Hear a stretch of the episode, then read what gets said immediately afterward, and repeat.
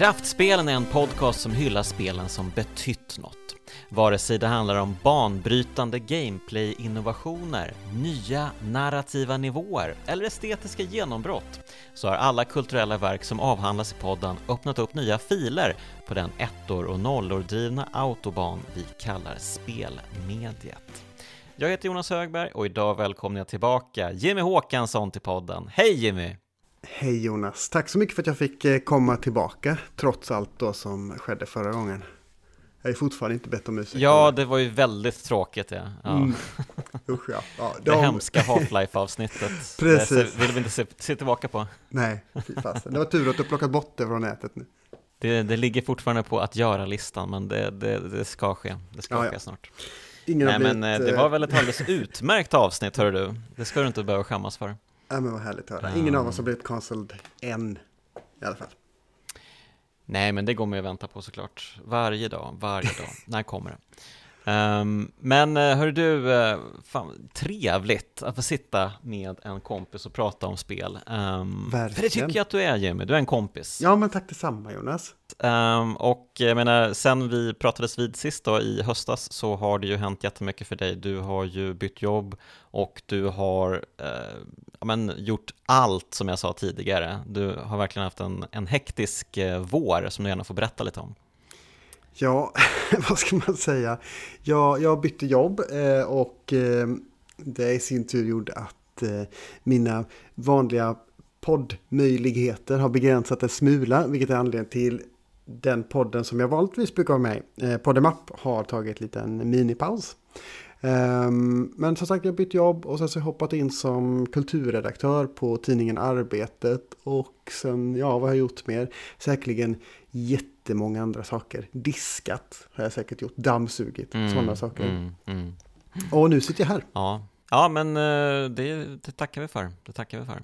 Um, men uh, vi pratades ju vid lite innan det här och uh, då sa du att du faktiskt håller på att skriva på två speltexter. um, det är ju helt otroligt. Var kom det ifrån? Ja, helt, helt tokigt. Um, det är inte ofta man säger det nu för tiden. Men det föll sig som så att helt plötsligt så satt jag och skrev på två stycken olika speltexter som kommer att dyka upp på två olika kultursidor eh, nära er i, ja, i framtiden om inte annat.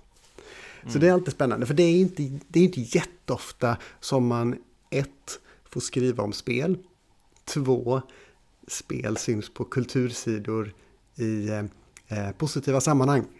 Nej, det är sant. Um, speciellt uh, när det har skett eh, valfri massskjutning i USA så brukar det alltid blomma upp ehm, ehm, debatter kring spelens vara och värde. Eh, ja, det är något precis. vi sett i, ja men eh, sen 70-talets dagar skulle jag säga faktiskt. Ehm, det är något som spel som konstform fått, fått dras med helt enkelt. Ja, men lite grann så. Ja, nej men eh, där får man för att eh, det är en interaktiv konstform. Um, men eh, apropå att vi pratar om konstformer hit och dit, det kanske har något att göra med dagens spel vi ska prata om. Um, det finns ju faktiskt vissa människor som skulle kalla det konst. Ja. Tillhör du den skaran Jimmy?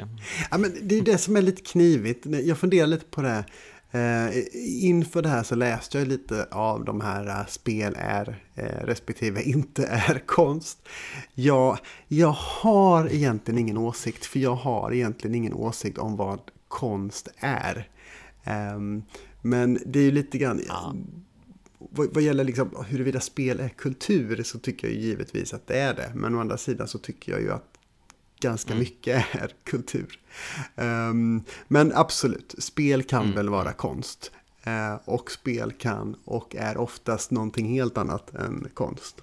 Men just det här spelet som jag har valt var väl en utav de där uh, spelen som faktiskt öppnade upp för den debatten, kan man ju säga. Precis, vi pratar ju om spelet Passage av Jason Rohrer. Uh, säger man Rohrer? Det är sånt härligt eh, tryck Du, du ska aldrig någonsin fråga mig hur man uttalar någons namn. Eh, för jag fixar inte det. Det, det är liksom min käpphäst att eh, konsekvent uttala folks namn fel. Eh, så det du sa. Mm, men den här mannen då, uh, vi kan kalla honom Jason. Um, vad är det för en lirare? Han är väl lite av någon form av semi-hippie, skulle jag väl ändå kunna säga. Han har ju lite av den, den auran, en hippie-aura. Um, och uh, ja, han håll, jag har inte jättebra koll på honom nu för tiden. Men förr i tiden i samband med att han släppte Passage och efterföljande tid så att säga, så var han ju en indiespelsutvecklare som släppte massa av de här små, väldigt pixliga och minimalistiska spelen som hade någon form av eh, någon slags premiss och eh, något slags kulturellt anspråk skulle man väl ändå kunna säga. Och, eh, ja, men precis.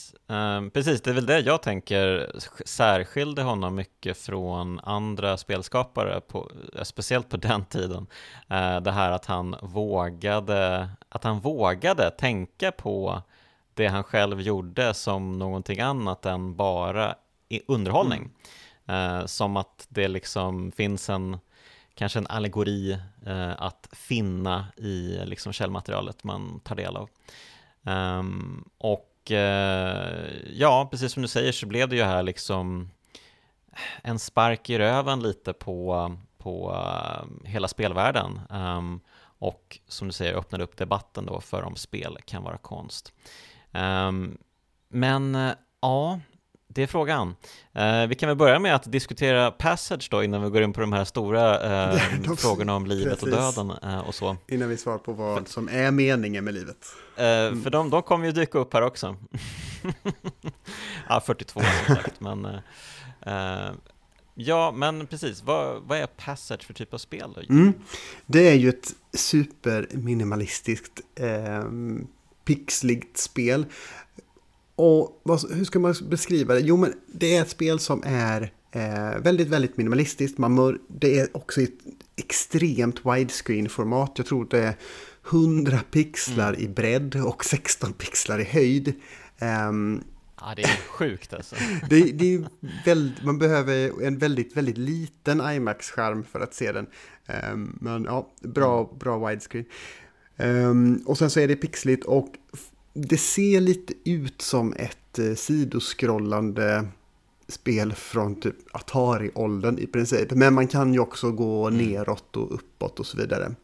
Eh, och det är ett väldigt mm. kort spel också. Och man börjar ju med att man är en karaktär och sen så går man framåt. Och i takt med att man går framåt, man börjar ju eh, på den här, eh, vad ska man säga, det här widescreen-formatet så börjar man ju alla längst till vänster.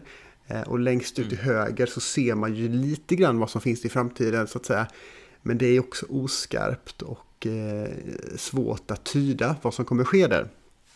Men man mm. går framåt och i takt med att man går framåt så både flyttas ju skärmen samtidigt som man rör sig lite mer åt höger hela tiden. Um, mm. Och sen så stöter man ju på en kvinna då och då kan man ju välja huruvida ja. man eh, går på henne och går man på henne så uppstår ett, ett litet pixligt hjärta vartefter man går tillsammans med henne. Så helt plötsligt så är man ju två personer istället för en person. Um, mm. Och det är väl egentligen nästan den enda spelmekaniken eller liksom Eh, i, i enda featuren i det här spelet. För det är ju så att man kan ju gå mm. runt i, i den här världen för eh, om man går neråt så kommer man ju också till lite olika, eh, vad ska man säga, labyrinter. Det finns lite olika hinder och det finns lite skattkistor. Mm. Um, väljer man att gå med den här kvinnan så blir det svårare att gå i labyrinterna. Men när man väl når fram till skatterna så får man ännu mer poäng än vad man hade fått om man hade gått själv. Eh, mm. Och sen så efter ett ganska långt tag tänkte jag säga, men det är det ju inte för det är ett fem minuter kort spel. Efter låt ja. säga fyra och en halv minut då kanske. Så försvinner kvinnan och istället så blir hon en liten gravsten. Eh, och fram till dess så har man ju märkt då att båda karaktärerna blir äldre. De åldras, de, blir, de får krökta ryggar, de blir tunnhåriga, de blir mm. gråhåriga. Um, och efter kvinnan då dör så krymper den här karln ihop. Går kanske hundra meter till. Eh, vartefter han då också faller ihop, blir en liten pixlig gravsten. Eh, och sen så blir skärmen gradvis mörkare och så dyker upp Passage. Och sen är det slut. Och då är det fem minuter som har gått. Eh, och det var det. Det är Ja. spelet. Ja, det är spelet. Ja, du, du berättade ju spelet väldigt eh, Utförligt. Du, utförligt och eh, du valde väl eh, smart nog kanske, vad vet jag, att inte liksom föra in några egna liksom tankar kring eh, materialet. Nej men jag tänker att där kommer vi ju, där kommer vi ju hamna ändå. Det här fick ni Wikipedia-versionen. Ja men det, det är verkligen eh, så här, ifall man hade spelat det här som du säger då på, på Atari-tidsåldern så hade man väl eh, inte riktigt eh, tänkt så mycket kanske på om det skulle finnas någonting mer här. Um, då kanske det bara var ett spel i mängden i så fall. Um, men eh, det är ju som du säger, det, det ska väl liksom väcka tankar om, om livet.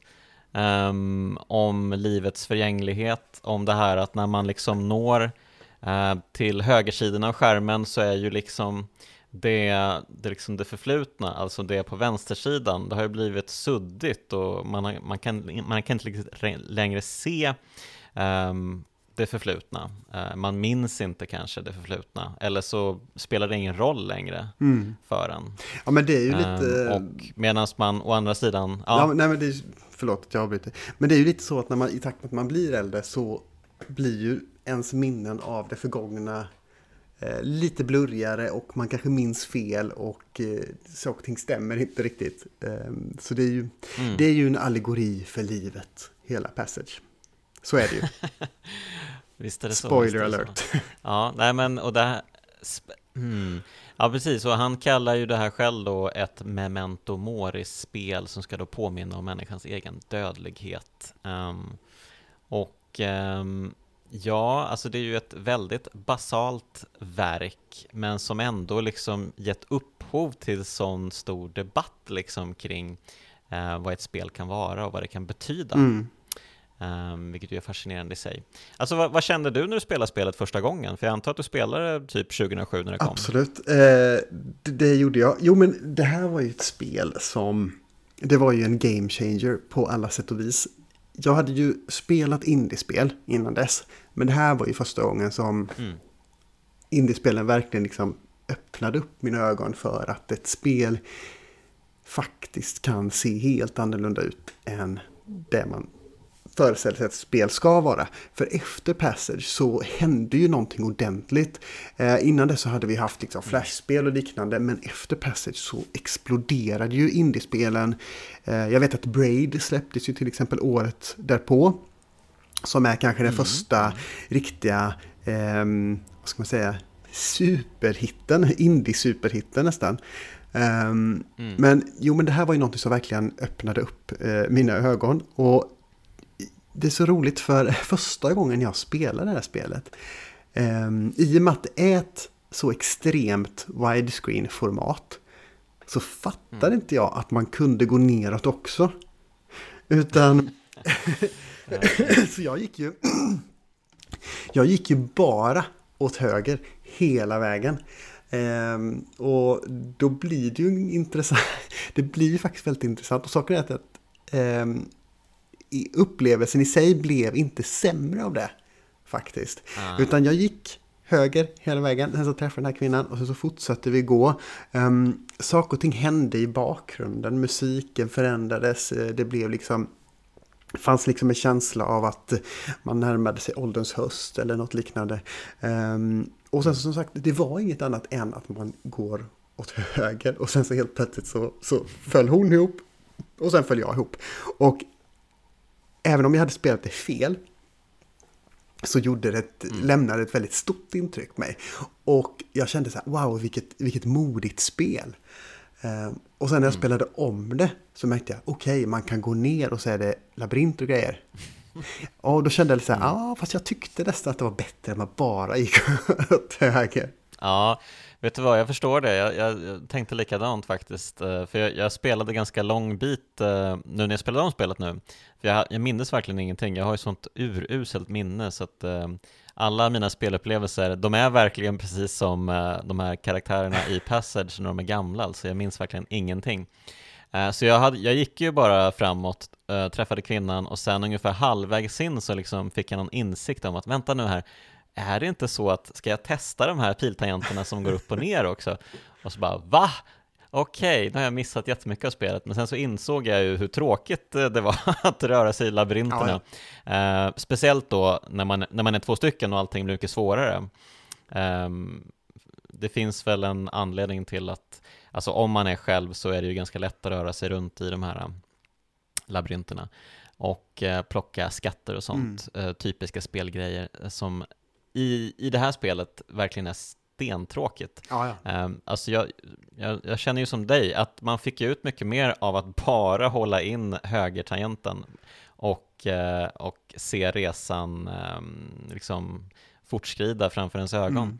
Mm. Uh, det var någon gång som jag försökte gå tillbaka men det, det syftade inte mycket till. Det blev så, så, så blurry och så ja men uh, man, man drabbades av, av livets förgänglighet verkligen. Ja, men det är lite intressant att gå tillbaka. Det kanske blir ett sånt tidsresaspel. Det kanske är där liksom den riktiga featuren finns i, i spelet.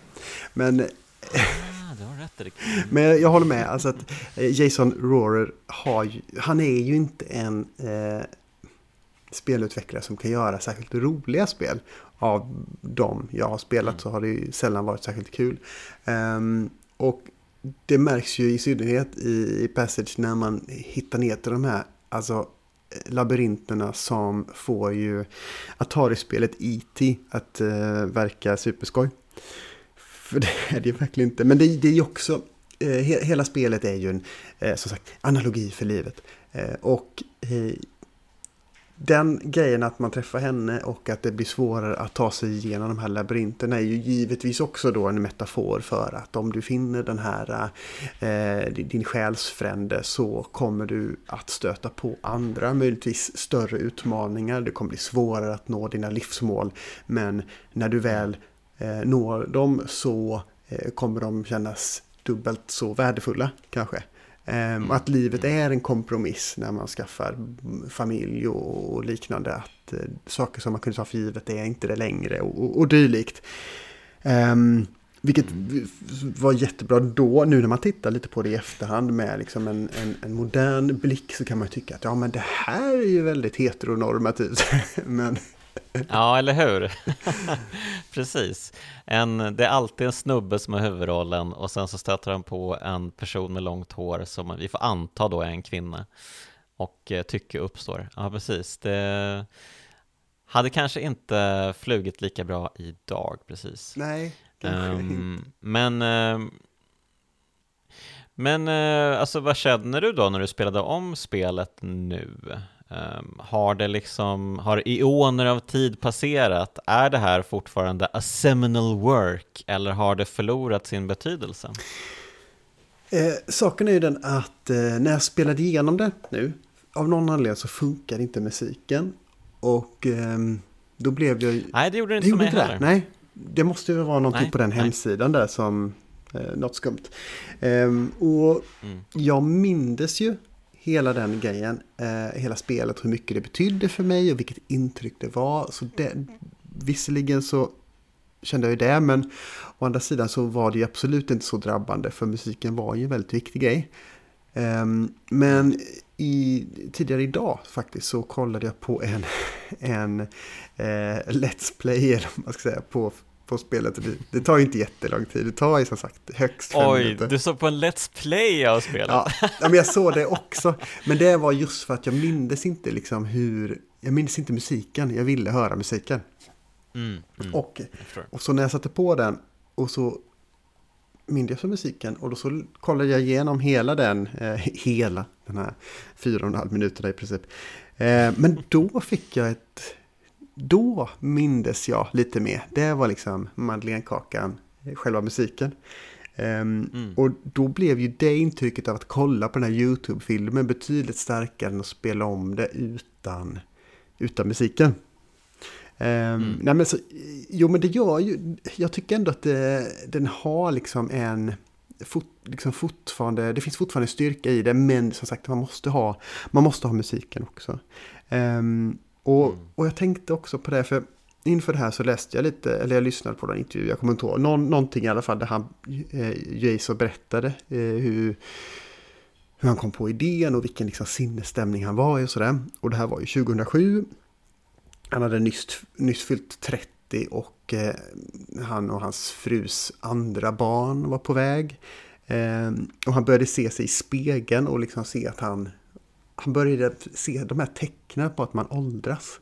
Eh, att han, mm. hans hår blev tunnare, det kanske hade kommit fram lite fler lite här rynkor som började framträda. Eh, och han kanske inte hade någon form av livskris nödvändigtvis, men drabbades av en insikt om just att livet är förgängligt. Att man är med på den här eh, resan, så att säga. Och, och hela, hela, den grejen är ju fortfarande, tycker jag, ganska drabbande. Och saken är den att eh, 2007, herregud, det är ju, ja, hur många år är, är det? Det är 15 år sedan. Och mm. när det dök ja, när jag spelade första gången då var det ju typ i samband med att eh, jag började skriva jättemycket om indiespel. Och det var jag ju i 20-årsåldern. Eh, och sen så nu när jag spelade om det 15 år senare, samma år som jag fyllde 40. Eh, och då kände jag lite så här att herregud, nu är jag i mitten på den här eh, skärmen. Eh, och då, då drabbades jag av den existentiella ångesten istället. Ja, just det. Men precis, men, men en tanke då, för det är ju fem minuter långt, kan man inte bara inte röra sig överhuvudtaget? Dör man automatiskt då ändå? Det vet jag inte. Eller, det är inte liksom själva framåtskridandet som gör att man åldras, utan det är liksom tiden istället. Det måste nog nästan vara tiden. Det, det, var ju, han gjorde ju det här till, eh, jag vet inte om det var en tävling, eller det var ju något, någon form av spelevent. Eh, där det fanns vissa regler för eh, de, mm. de, här bidragen, de här spelbidragen så att säga. Eh, och det ena var att det skulle ju, det fick ju inte vara mer högupplöst än 256 gånger 256 pixlar, tror jag. Okay, eh, okay. Och eh, någon andra regel var att eh, det fick högst vara fem minuter långt och, och sen så också högst vara två megabyte stort. Så det var ju det skulle vara ett väldigt komprimerat spel. Så jag tror att om man mm. låter den bara stå där så kommer han förr eller senare att dö. För annars hade vi inte fått vara med på den här, eh, vad ska jag säga, vad heter den, Gamma 256 någonting. Kokoromis Gamma 256 som var del av 2007 års Montreal International Games Summit. Det har jag inte memorerat, okay. utan det har jag skrivit ner. Nej. Surprise, surprise. Okej. Okay. Ja. Hmm. Ja, men, eh, men eh, okej, okay. men frågan kanske då ska frås, frågan kanske ska kvarstå då. Um, är Passage konst? Ja, det, det, är ju det är så himla svårt att säga, men förmodligen inte egentligen. Um, det, mm. det, beror, fast det beror på man säger. Jag tycker att jo, det är konst. Så länge du går åt höger så är det konst. Så fort du går neråt så nej, nu är det något helt annat. okay. Men saken är ju den att det här spelet, om det är någon form av måttstock, att ja, men den har en en tavelram runt sig, ja men då är det konst. Mm. Det har ju, eh, när New, New Yorks Museum of Modern Art, och art betyder ju konst uppenbarligen, eh, när de valde ut 13 spel för en utställning eh, för, eh, vad var det, 2013, så var det spel som The Sims, Myst, Pac-Man och Passage. Så då hade de ju ändå plockat ut ett par spel som de ansåg att ja men det här är verk som vi kan ställa bredvid de andra verken som man nu har på eh, MoMA som jag inte har vidare koll på. Men eh, så, så, det har ju ett renommé och det är ju så intressant att ett sånt här litet pyttespel som förmodligen inte tog jättelång tid för Jason Rohrer att göra ändå lämnar ett sånt enormt avtryck. Um, mm. Och jag tror på något sätt att även, man kan ju diskutera huruvida det är konst eller inte, men jag tror att det ger oss någon form av insikt i eh, vad som krävs av spel för att bli konst. Eh, för mm. så, här, så här resonerar jag, det är oftast lättare att eh, säga att ja, men den här romanen är konst, eller den här filmen är konst, eller den här tavlan är konst. Och jag tror att en anledning till varför det är så himla svårt för spel att betrakta som konst är ju givetvis att det är interaktivt. Det är ju 50% av problemet, att det är någon som bara springer ut och hoppar hela tiden. Och, nej, men då kan det inte vara konst. Mm. Men jag tror också att det handlar om att eh, tjusningen i, i mycket av konst är inte bara det som man väljer att måla, utan också det man väljer att inte måla. Eh, själva undertexten. Mm. Och tar man ett spel, det finns inte jättemånga spel där undertext existerar just för att det är så himla många olika lager av eh, liksom information på något sätt. Eh, det är bara mm. text efter text efter text. Så det, det är sällan som det finns, liksom, det är någonting som har välts bort så att säga. Men i Passage så är det så minimalistiskt att det är bara några enstaka inslag som faktiskt är valda och handplockade och resten är de, de är inte där för de tillför ingenting. Um. Mm, mm. Ja, det är jätteintressant, för att, eh, jag vet inte om du minns det, men i Fienden 2 eh, så hade vi ett eh, reportage. Hela tidningen var ju liksom ett, alltså temat var ju typ konst, konst som spel för den tidningen. Mm, det var länge sedan. Och där hade vi ett reportage med Ja, det var väldigt länge sedan. Den kom väl ut 2012 eller någonting, så det här var ju eoner av tid sedan. Eh, men vi hade nämligen gjort ett roligt reportage i den tidningen då ehm, vi hade samlat fyra konstkritiker eh, som skulle få spela spel som ja, men, spelvärlden såg som konst. Mm. Så att eh, då var det liksom spel som Res, det var Ico, Shadow of the Colossus, The Graveyard och så var det Passage. Mm. Och eh, the main takeaway från den här var ju att eh, konstkritikerna Alltså de, de hade ju liksom problem med spel som konst. He, hela den grejen, interaktiviteten, absolut. Det var ju liksom ett, eh, ett lager som kanske, och framförallt det här att man ska prestera i spel också. Mm. Det, det var inte någonting som uppskattades. Eh, speciellt Shadow of the Colossus var ju en mardröm för dem, som du kan tänka dig. Det är ju en fruktansvärd spelkontroll i det spelet. Liksom. Eh, det, det, kanske är en eh, fantastisk upplevelse ehm, att sänka de här kolosserna och känna mörkret i ens hjärta. Liksom. Men eh, att faktiskt utföra handlingen är ju en mardröm. Liksom. Och eh, måste ju ändå liksom påverka eh, den upplevelsen också, tänker jag. Men eh, deras kontenta var ju att Passage var ju det mest konstlika spelet av de här spelen vi spelade. Mm. Um, och just för att det var så minimalistiskt, just för att um, personen som gjort spelet faktiskt hade en tanke bakom spelet. Um, det tyckte de var liksom avgörande, precis som du var inne på också. Det här med att uh, alla de här andra spelen, de är ju ändå skapade av stora team och ja, även om man kan säga att Fumito Ueda är liksom hjärnan bakom Ico och Shadow Colossus så är ju han tydlig med att han gör produkter, han gör ju bara liksom underhållning. Um, och han vill ju inte liksom applicera någon ytterligare um, kontext i sina mm. spel. Um, men det vill ju Jason Rohrer och just därför så blir hans spel lite mer intressanta han säger sig ha något att säga. Liksom. Mm. Um, men uh, sen, sen är ju frågan om, om det är någonting tankvärt också såklart. Um, men absolut, det, det, är väl någonting som ändå liksom letar sig in i ens inre um, i den här korta, korta upplevelsen. Nej, nej, alltså Passage, det är ju... Fördelen med det i, i ett sånt sammanhang är att det är enkelt och det är lätt att förstå och det kräver ingen större motprestation.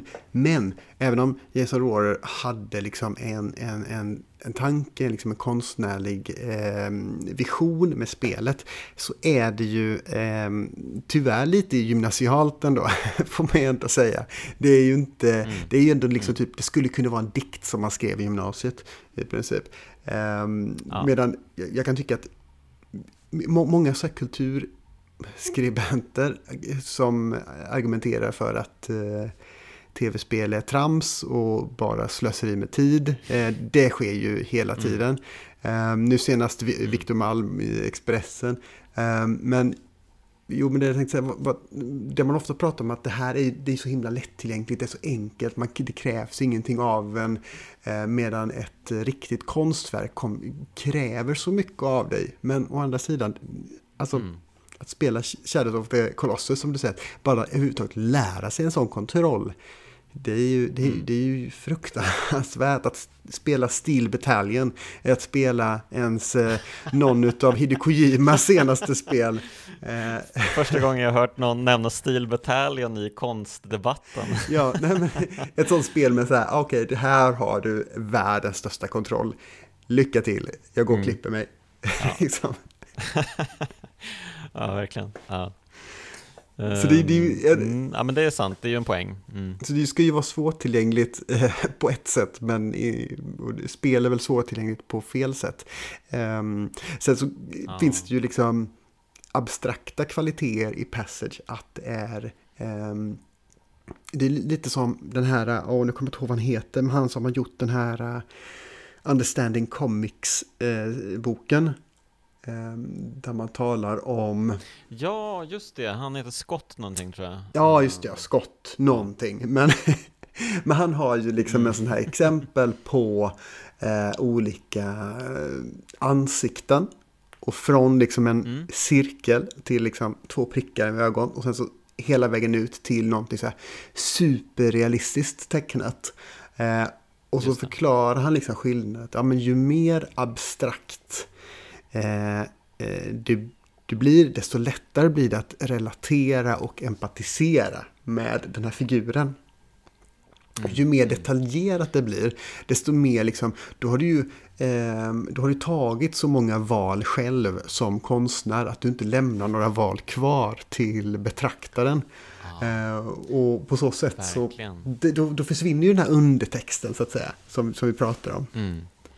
Det där är ju jätteintressant, det har jag tänkt många gånger. Eh, speciellt när jag spelat eh, Final Fantasy 6 och Final Fantasy 7 back-to-back.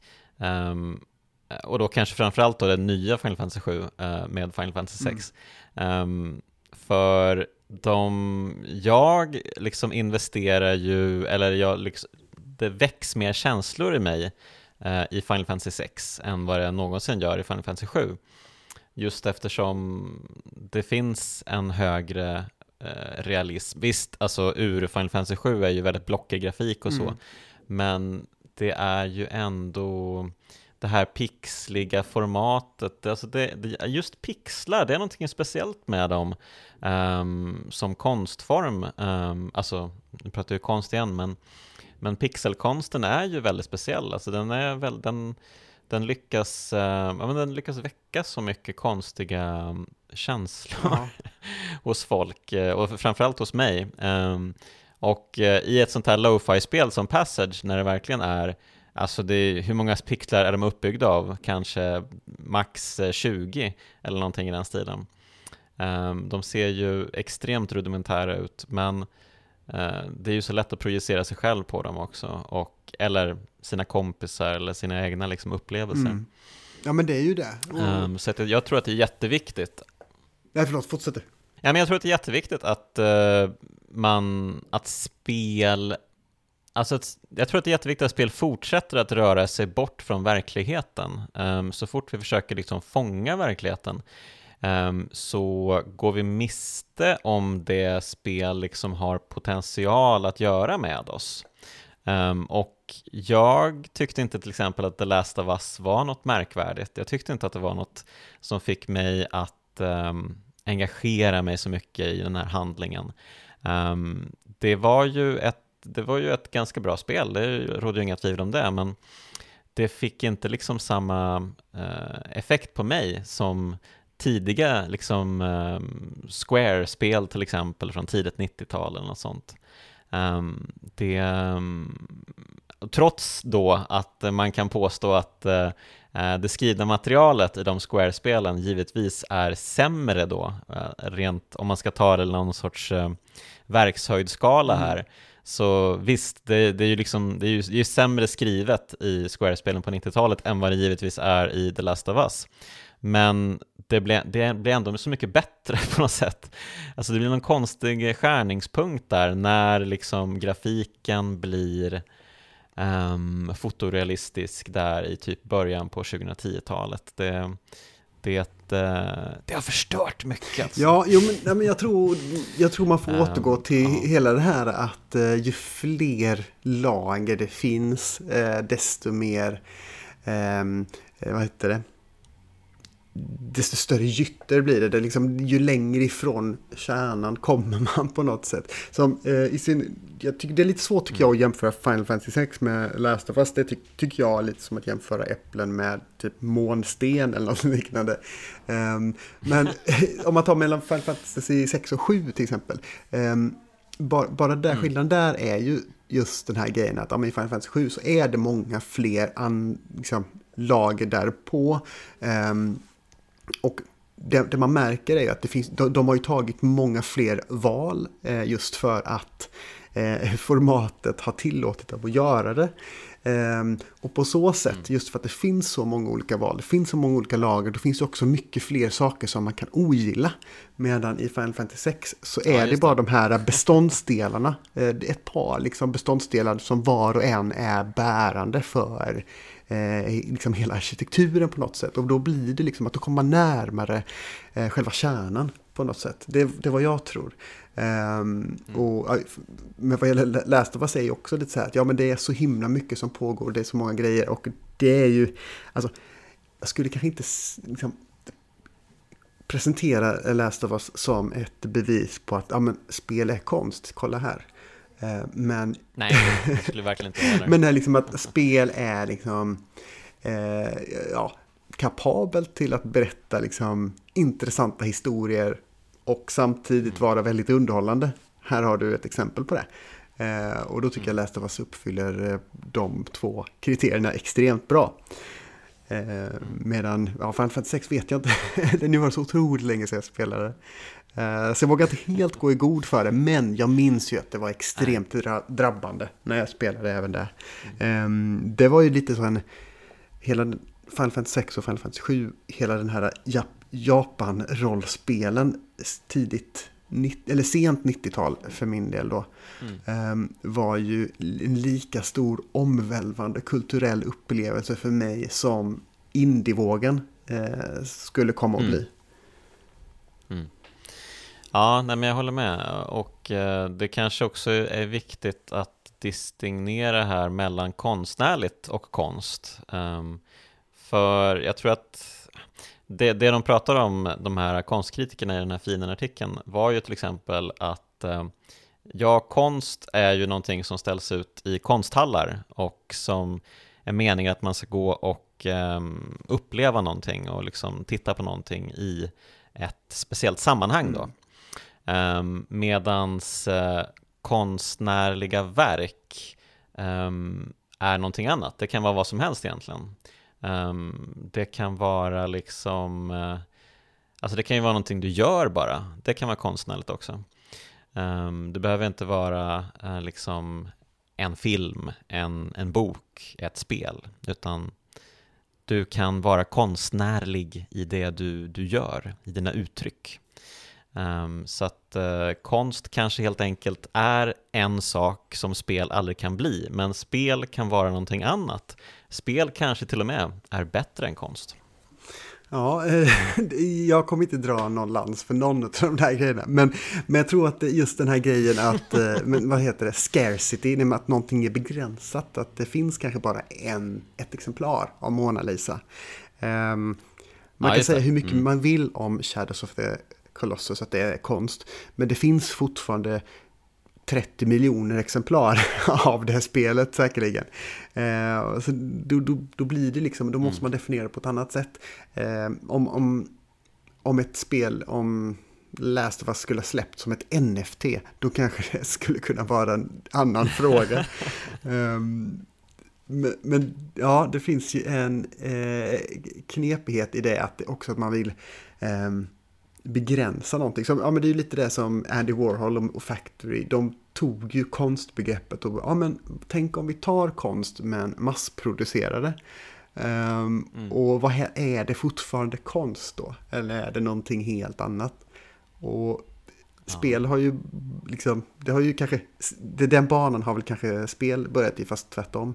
Um, jag läste nu senast att, jag läste bara en rubrik så jag vet inte sanningshalten, men det stod något sånt här att Andy Warhols um, verk kan sluta i Ikea. Det var någon form av uh, sådana hemsk grej då att åh nej, nu kommer konsten att hamna i, i Ikea och, och det är ju fruktansvärt till bara kommersiellt och så vidare. Men ja, mm. det är ju Andy Warhol hade ju liksom applåderat om han hade fått reda på ja. det. Det var ju exakt det jag ville uppnå. Eh, så man får fundera lite på vad är det vi, vilka slags värden i, om, om vi vill att spel ska bli konst, vilka utav de olika värdena är det och kriterierna är det vi vill uppnå? Liksom på något sätt. Mm. Ja, och så, ja, precis. Och så landar man i den här eviga frågan, vad är konst också? Uh, är det liksom någonting som... Alltså, är det ett, ett verk som är menat att upplevas som någonting större än det man ser med vid, vid första anblick liksom? Um, är det det som är definitionen? Ja, jag vet inte. Då kan ju, då kan ju så himla många olika saker vara konst. Ehm, då kan eh, Jean-Claude Van Damme-filmen Knock-Off vara konst liksom. Mm. Ehm, då, då kan precis vad som helst vara konst. Um, så att uh, jag vet inte, det, det, det är kanske en, um, det kanske, kanske är det en helt onödig debatt vi har. Ja. Den här konst som speldebatten.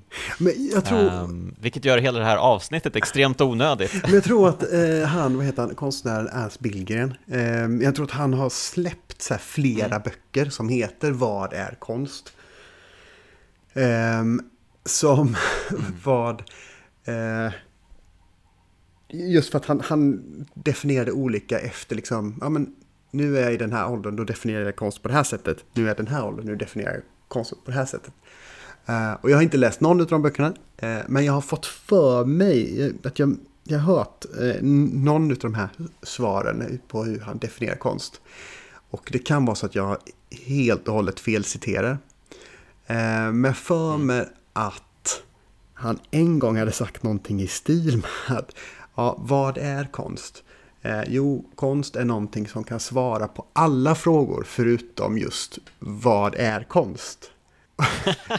jag tror något åt det här hållet. Och, och det tycker jag att, ja men fasen det är en ganska bra beskrivning ändå. Men det är välfunnet, verkligen. Um, det får ju en att tänka till, som ju då konst förhoppningsvis uh, är tänkt att få en att göra. Ja.